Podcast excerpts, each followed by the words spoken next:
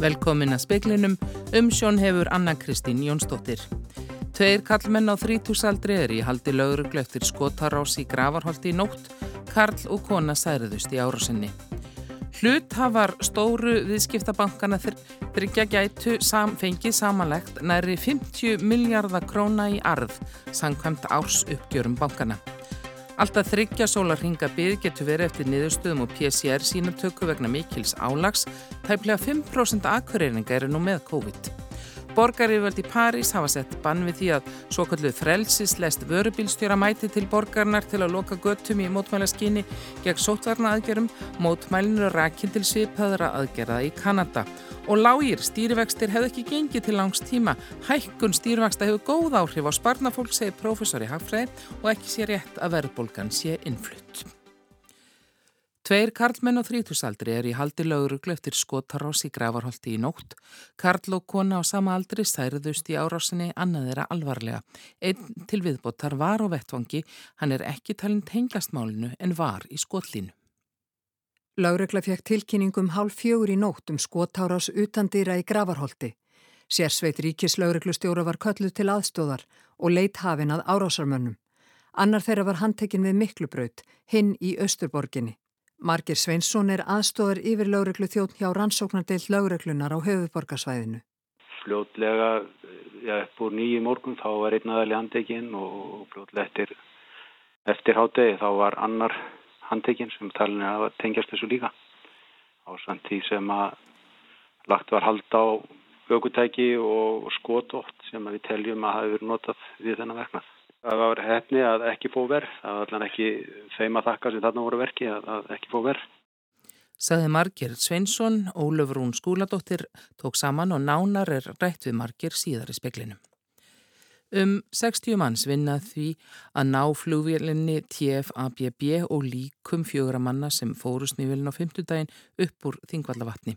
Otur Átnason, yfir lauruglu þjóðn hjá lauruglun á Suðurlandi, segir ætlunna að sækja líkmannana áður en myrkur skellur á. Aðgerðir við vatnið hafa gengið vel í dag þrátt fyrir mikinn kulda. Hættulegar aðstæður sköpuðust fyrir kafara vegna ísmyndunar því breytust áallanir og notaður var smá kafbátur með myndavélabúnaði og griparmi til þess að færa hinn að látnu og koma þeim á yfirborðið. Sangam tilkynningu frá lauraglunni á Suðurlandi er búið að ná þremur mannana upp úr vatninu en leit stendur yfir að hinnum fjörða. Að óbreyttu verður flugvílinn hýfð upp úr vatninu á morgun. Ottur Árnason yfir lauruglu þjóttun lauruglunar á Suðurlandi rétti við frettamann um klukkan fjögur í dag. Þetta leitum ekki verið út í morgun en uh, síðan uh, hreyðaðins vind og þá brotnaði ís skurinn upp sem var komin á vatnið og þá gáttum við sendt út uh, raurabóta sem gáttu brotið meira og með því hefur, okkur tekist að halda þessu opnu í dag og við erum sem sagt núna búin að ná upp líkum tvekja manna og þau eru sem sagt á leið til Reykjavík núna. Heldur þið náðu hínum tveimur líka núna upp í dag? Ég gerir mér vonur um það. það þetta er heilmikið laggerð en, en það byrstu tímin er orðin bísna langur og, og hérna að því gefnu og þeir hafa ekki færst úr staða þá, þá á ég vonuði þetta takist. Saði Ottur Átnason, Kristín Siguradóttir talaði við hann, Ólöf Rún Erlendsdóttir tók saman. Stóru viðskiptabankarnir þrýr, Arjónbanki, Íslandsbanki og Landsbankin högnuðust samanlagt um rúman 81 miljard króna í fyrra. Sankvæmt árs uppgjöri Íslandsbanka fyrir árið 2021 nam hagnaðurinn 23,7 miljardum króna í fyrra samanborið við 6,8 miljardar árið áður. Stjórn Íslandsbanka leggur til 11,9 miljardar arðgreðslu við aðalfund bankans. Landsbankin hagnaðist mest viðskiptabankana þryggja eða um 28,9 miljardar króna í fyrra. Bankaráð landsbankans ætlar að leggja til við aðalfund sinn að greitu verði út 14,4 miljardar króna arður. Jafnframt er til skoðunar að greitur verði út sérstakur arður fyrir árið 2022. Hagnaður Arjón banka í fyrra namn 28,6 miljardum króna. Í tilkynningu frá bankarnum er greint frá því að hlutafar megi vænta arðgreðslu að fjárhæð samanlagt 22,5 miljardar króna. Alltaf þryggja sólarhinga byggð getur verið eftir niðurstöðum úr PCR sínatöku vegna mikils álags. Í tilkynningu frá sótvarnalækni eru þeir sem eru með enkenni beðnir að halda sig til hljés. Einangrun verður talin frá sínatökudegi þó að niðurstaði berist síðar. Takmarka þarf fjölda PCR prófa dagkvenn en í bóði verður að fara í hraðpróf ef hámarks fjölda PCR prófa er náð.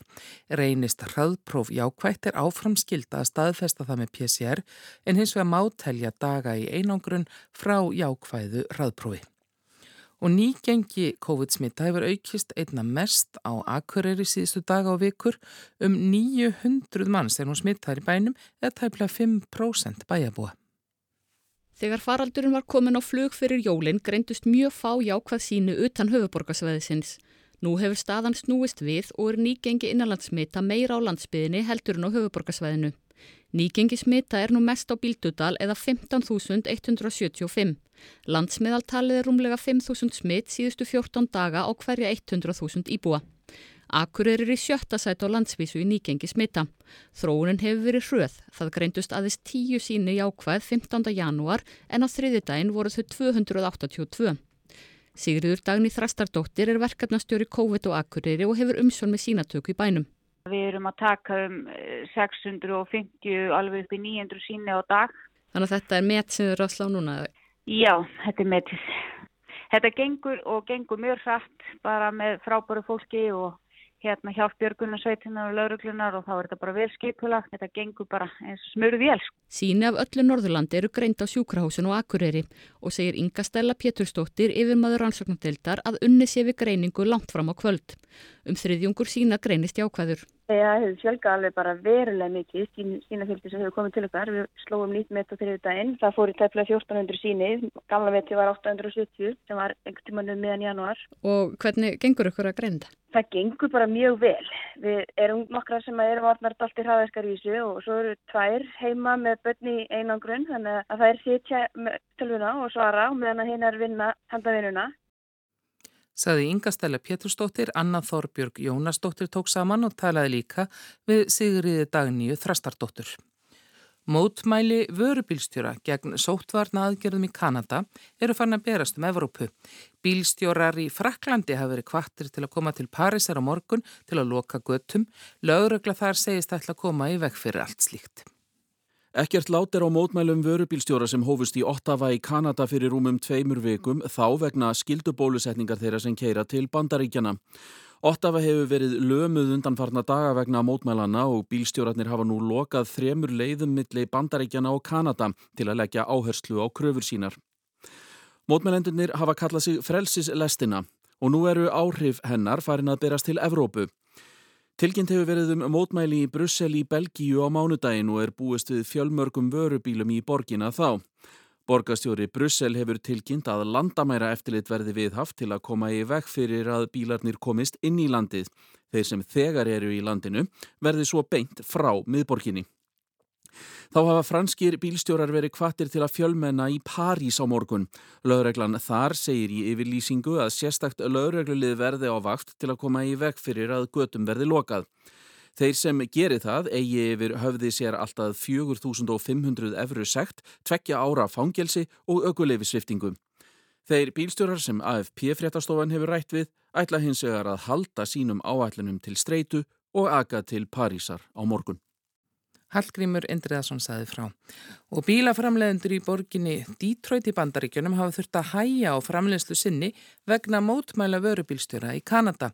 Blaði New York Times greinir frá þessu. Bílstjórar hafa teft tvær af aðaleðunum millir bandaríkjun og Kanada, annars vegar millir Montana og Alberta og hins vegar millir Michigan og Ontario. Svo síðan nefnda er rétt við Detroit og kallu sendi herra brúin einn aðal flutt, fluttningsleið bifræða. Vörubílar fara venjulega þúsundir ferða um brúna og degi hverju með vörur tengist þriðjungunum bílaframlislu. En í dag lokuðu bílstjórn svo þriðjuleiðinni millilandana, það er Emerson hliðinu millir Manitoba og Norð Dakota. Öryggisvörður á listasafni í Rúslandi hefur verið kærður fyrir að teikna augu á málverk á safninu. Vörðurinn var á fyrsta degi í starfi og átti að gæta verksins. Gestir á menningamiðstöð sem kendir við Boris Jeltsin í Jekaterinburg uppgötvuðu atvikið í desember. Málverkið sem sapni var með að láni heitir Þrjú andlit og er eftir önnu Leporskæju sem var fræg listakona á tímum Sovjetríkjana. Öryggisvörðurinn starfaði hjá engafyrirtæki sem sapnið réði til að sinna öryggiskæslu og var á sínum fyrsta vinnudegi falið að gæta verksins. Andlitin þrjú á myndinni höfðu kvorki augu, nef, nýje munn og öryggisvörðurinn ákvaða bæta úr því. Hann tók kúlupenna mertan sapninu og teiknaði augu á tvö andlit. Öryggisvörðurinn var umsjöfalust rekin þegar upp komst. Rúsneskir fjölmiðlar hafa eftir önnu resjaktínu Sýningastjóra sapsins að ekki sé vitað hvað verðinum gekk til en stjórnendur telja að einhvers konar stundar brjálaði hafi gripið hann. Þegar máli var fyrst tilkynnt til lögreglu taldi unnaríkisraðuneytið atvikið smávægilegt og að ekki væri ástæða til frekari rannsóknar. Menningamálaráðuneyti var hins vegar á öðru máli, vísaði því til saksóknara og nú er lögreglurannsókn hafinn. Ef vörðurinn verður sakveldur Á hann yfir höfði sér segt og alltaf þryggja mánada fangilsi. Hallgrímur Indriðarsson saði frá.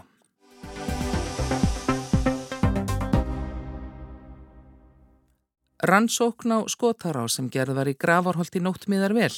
Marger Sveinsson, aðstóðar yfir lauruglu þjóttn hjá rannsóknardeild lauruglunar á höfuborgarsvæðinu, segir að ofur áhersla hafi verið lögð á að finna árásar mennina fljótt. Karl og kona særuðust í árásinni, fleiri voru á vettfangi en ekkir talið að árásin hafi beinst að öðrum en þeim sem urðu fyrir skotum. Það var núna eftir að tilkynning barst til lauruglu núna löst fyrir hálf fjögur í nóttum skotár svona í grárholtinu. Þá var strax hafist handa við að hafa upp á þeim sem þarna voru verki.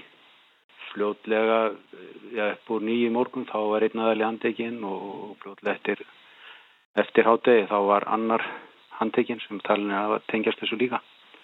Á samt því sem að lagt var hald á aukutæki og skotótt sem við teljum að hafi verið notað við þennan verknað. Hverskins skotvopn var það? Þetta er skambisa sem umræðir.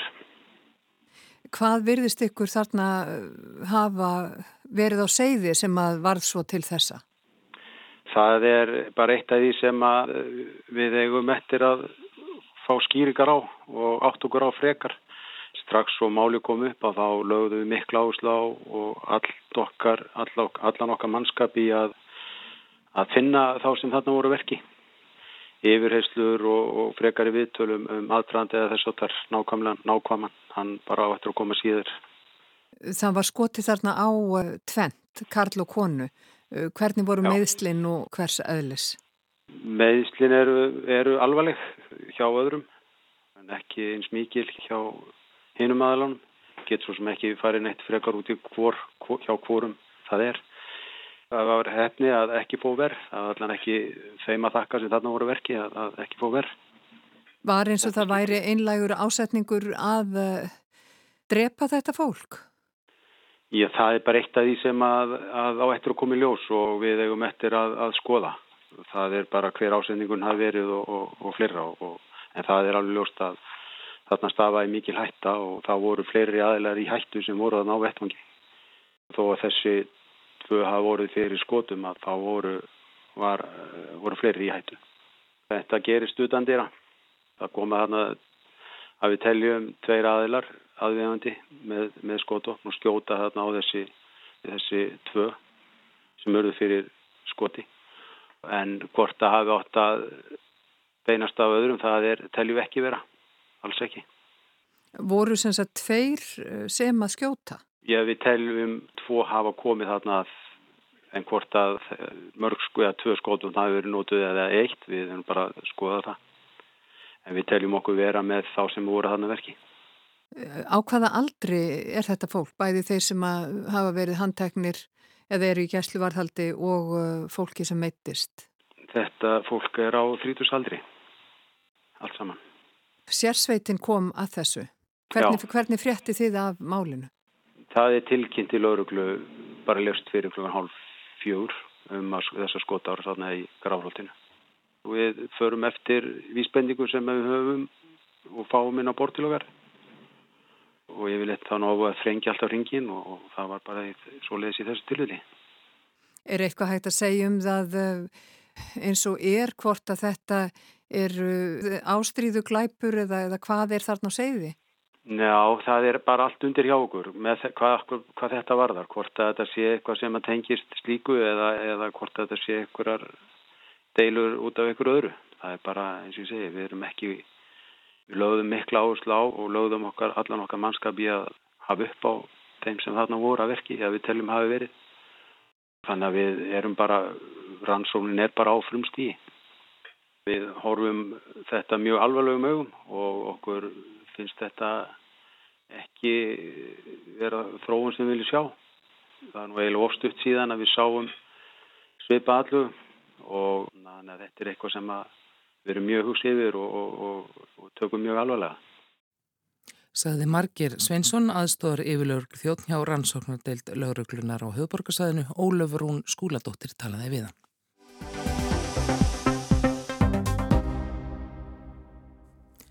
Verðbólgan er ekki innflutt og stýrivakstahækun Sæðlabankans í gær snýrist fyrst og fremst um að taka tilbaka aðgerðir sem ráðist var í til að bregðast við COVID-faraldrinum.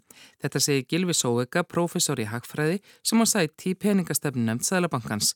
Speilin rætti við hann í dag um hækkunina og horfur í efnagsmálum.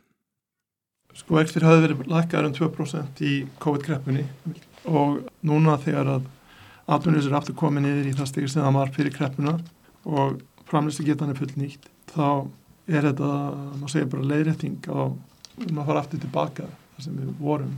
Og það var aldrei meiningin að vera með svona COVID-vexti til frambúðar. Og það er ekki hægt. Því að ef við heldum vöxtunum svona lágum þá myndi eftirspilnum vera það mikil að það er næsta vísta verðbólk færi að færi hérna úr böndum Þrátt fyrir að faraldurinn hann hefur verið talað um að efnaðarslífi sé þrátt fyrir það í, í góðu standi, það hefur verið svona kvatti fjárfestinga til að mynda með lágu vakstastígi. Erum við að býta úr nálinni núna og svona, hvað segir það okkur um, um stjórnun efnaðarskerfisins? Þegar COVID kom til landsins fyrir tveimur ára síðan þá miðust viðbröði efnaðarstjórn við að auka eftirspurt vegna þess að ferðarþjónustan hún, hún, hún fór í núl á nokkru vikum og það var svo mikil hætta á því að þessi, þetta áfall myndi smitast inn í aðrar atvinnugreinar. Og þess vegna var bæði vextir lækkaðir og laust fyrir bankakerfinu aukið.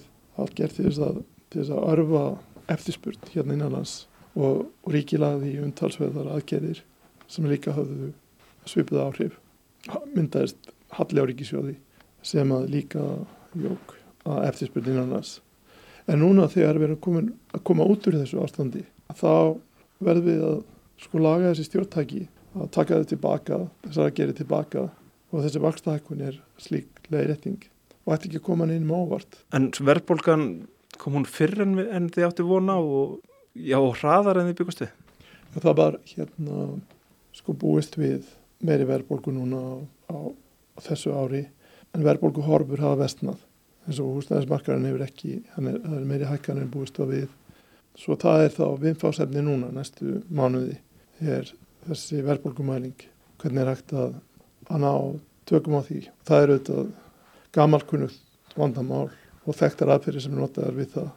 Ég vissum að þeim er þau beitt ef að nöðsilegt er, svo verðbólka mun ekki fá að grassera hérna í framtíðinni. Hækkun vaksta og verðbólka það hefur náttúrulega áhrif á frambóð lánsfjár og, þar að leiðandi hefur það áhrif inn á húsnæðismarkaði líka mm. er ekki hægt við að þetta hægi á uppbyggingunni? Jú, það er einmitt tilgangurinn. Að þegar að vextir fara upp þá þessi vakstakostnaðurinn verður þá meiri hjá þeim sem að taka lán til að kaupa sér húsnæði. Og þá mingar eftirspunni eftir húsnæði þá lækkar húsnæðisverð aðeins. Eða svona segja hækkar ekki eins mikið. Og það eru til ætluð áhrif til þess að draga úr eftirspurn þar og eftirspurn alls þar annar staðar. Ef eftirspurn eru á mikil, mikil eftirspurn eru að valda því að launin hækka á hratt, krónulaunin og velaðir hækka á hratt. Þá slakar við áallu þessu með því að tempra eftirspurnina og það er gert með hærri vöxlum. Ríki getur líka gert það með að leggja á skatta eða draga úr útgjöldum. En þetta er þessi hefðbunna leið til þess að stemast í við og mikill eftirspurn í hagkerfi.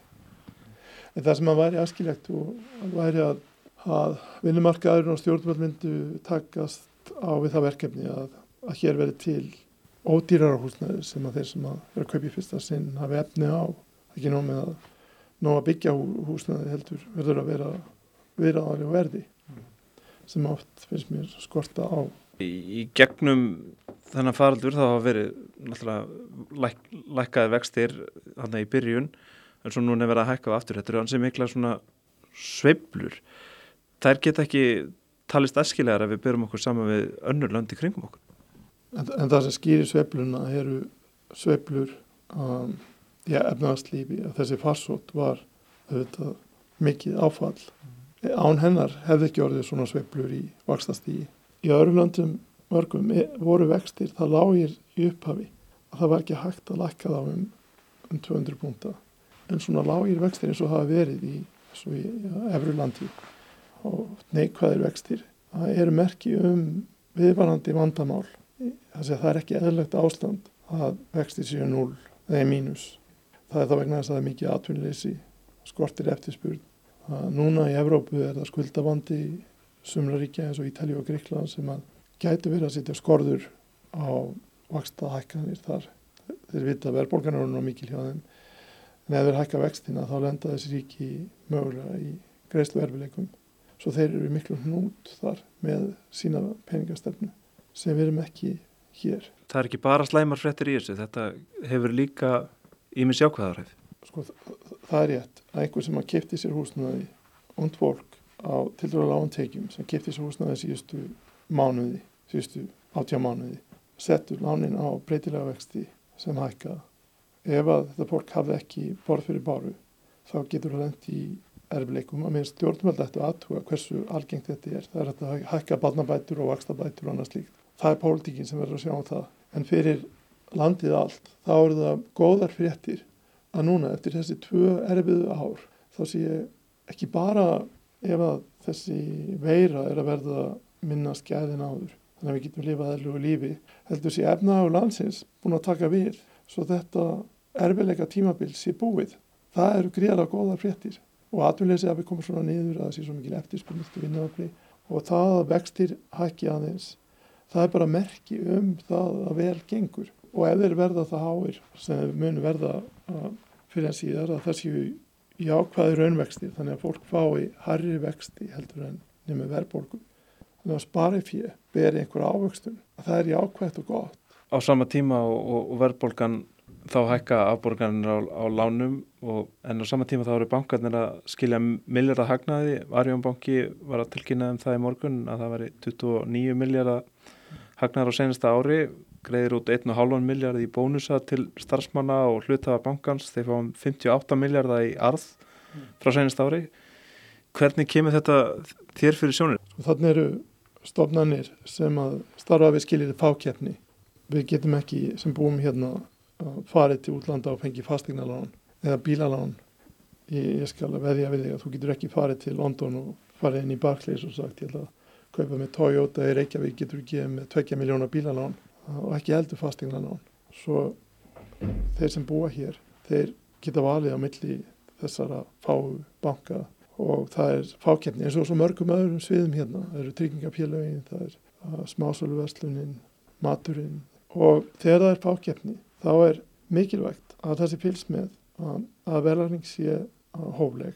Þess vegna er samkjefniseftillit til þess að passa upp á samráð fákjefnisfyrirtækja og það þarf að greina eins og með bankana, hvaðan kemur þessi miklu hagnaður? Er, er hann á öðrum rótum heldur en í öðrum löndum? Er hann vegna þess að þjónustugjöldin séu svona há? Það bitna beint á lífskjörum almennings. Er það því að vakstamunum er svona mikil? Það bitna líka á lífskjörum almennings. Eða er það hagnast á einhverjum öðrum viðskiptum sem þeir eiga? Þú spurðir reðilegt að bankanir hafa svona mikið, hérna, mikið hagnað. Sko ég bara veit það ekki, ég veit ekki hvaðan hagnaðurinn kemur. En ég held ég viti það að hérna, greiðslukerfi hérna séu dýrt vegna þess að við erum með kort, þessi alþjóðlegu kort í öllum viðskiptum, alveg saman hversu lítildu þeir eru sára fáir sem nota peningastæðla hérna og það er gjald fyrir notkun á þessum kortum. Það eru elendu fyrirtækinn fá hlutaði, bankaninn fá hlutaði og það er uh, mjög mikilvægt að þessi komið ódýri innlendri greiðslumilun hér á landi. Heldur að þetta verðbólku tímanbilsi komið til að vera því talaðum að það verði svona þrálátara en búist voru við áður? Sko það talaðum úti að, að vandamála framleyslu lið vegna COVID. Sko það verður orðið mikil eftirspunni í heiminum eftir vörum, menn er að ferðast minna svo það verður að kaupa framleyslu, innanframleyslu og frambóðsliðin hefur ekki getað bröðist við nógu hratt. Það eru hnökrar á frambóðsliðinni. En það er verið að tala um að á þessu ári, þegar fyrir að líða á þetta ár, þá munir þessir hnökrar að minka og þá munir þessi alþjóðlega verbulga sem stafar af þessum atriðum að frambóðslið að fara niður. En það er alltaf hættilegt með verbulgun og hún getur teki, fengið líf, sko, sjálfstæðt líf, ef menn fara að búast við verbulgun. Þá fara launin að hækka í samræmið þessar vendingar sem kemur svo til verla sem við þekkjum þetta úr hagsögunni.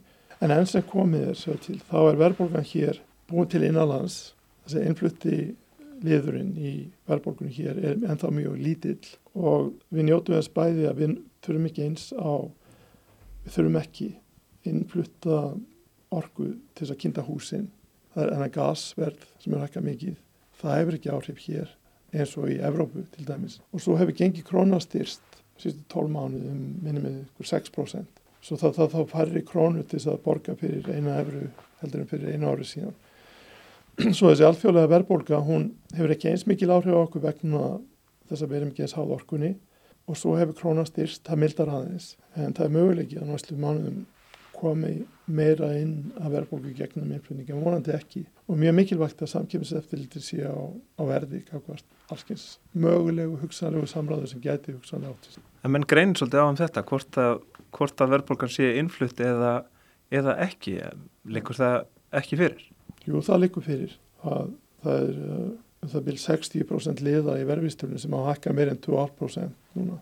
Svo verðhækkanir eru almennar það er ekki bara húsnæði sem hefur auðvitað mjög mikið heldur þjónustu, þjónustanum er hækkað um 4,9% en innflyttingurinn hefur hækkaði verði en, en það er til dæla lítill hluti af þessari heldamind sko þjónustu verðbólgan er 4,9% sem að endur speiklar vantarlega, já eftirspiln eftir þjónustu og líka launaliðin það getur verið að sé eitthvað innflutningskomponent inn í þjónustunni en það er ránt að segja, það er bara ekki rétt, það er ekki staðreind að verðbólgan hérna sé bara einflutt verðbólga.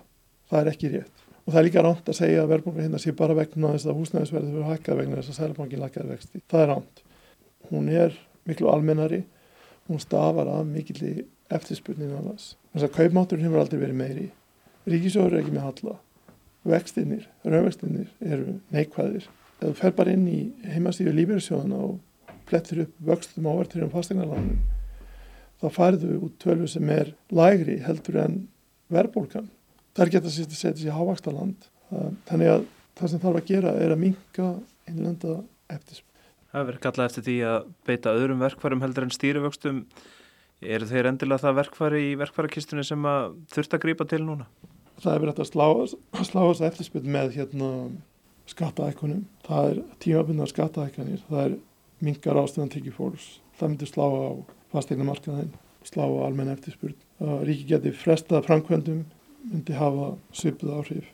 En hvort vekki held ég væri óvinsælt. En yfirleitt er verkarskiptingin á milli Sælabanka og, og Ríkistjórnað þannig átt að Sælabankar sjá um að bregðast við þessum skamtíma sveiplum og, og hagsveiplu frá ár til árs, breytingum á verðbólgu frá ársfjörðungi til ársfjörðungs og ár til árs. En ríkið hugsa um uh, samnesluna og ofinbyrju þjónustuna og, og vegina og þetta sem við þurfum að hafa og passa sig að hafa skattekju til þess að eiga fyrir regningnum og Ríkisjóður kom ekki inn nefn að það sé eitthvað mikið að gerast eins og vorið 2020. Saði Gilvi Sóvika, Bjarni Rúnarsson rætti við hann. Veðurhorfur á landinu til miðnættis annaðkvöld eru þær að það verður hæg breytileg átt á morgun og þurft og bjart veður mest allt land kallt í veðri. Það var helst í fréttum að tveir kallmenn á þrítúsaldri er í haldi lögruglu eftir skotarás í gravarholti í nótt. Hlutafar stóru viðskiptabankana gætu fengið næri 50 miljardar króna í arð sangkvæmt árs uppgjörðeira. Alltaf þryggja sólar hinga byggð getur verið eftir niðurstöðum og PCR sína tökku vegna mikils álags og tefnilega 5% akureyringa eru nú með COVID. Borgar yfirvöld í París hafa sett bann á að svo kalluðu frelsislest vörubílstjóra mæti til borgarnar og loki göttum til að mótmæla sótvarnaraðgerum. Mótmælin, mótmælin eru rakin til svipaðra aðgera bílstjóra í Kanada. Þá er ekki fleira í spekli kvöldsins, fréttir næst í sjónvarpi klukkan 7 og alltaf á vefnum. Tæknumæður í útsendingu var Mark Eldredd, veriði sæl.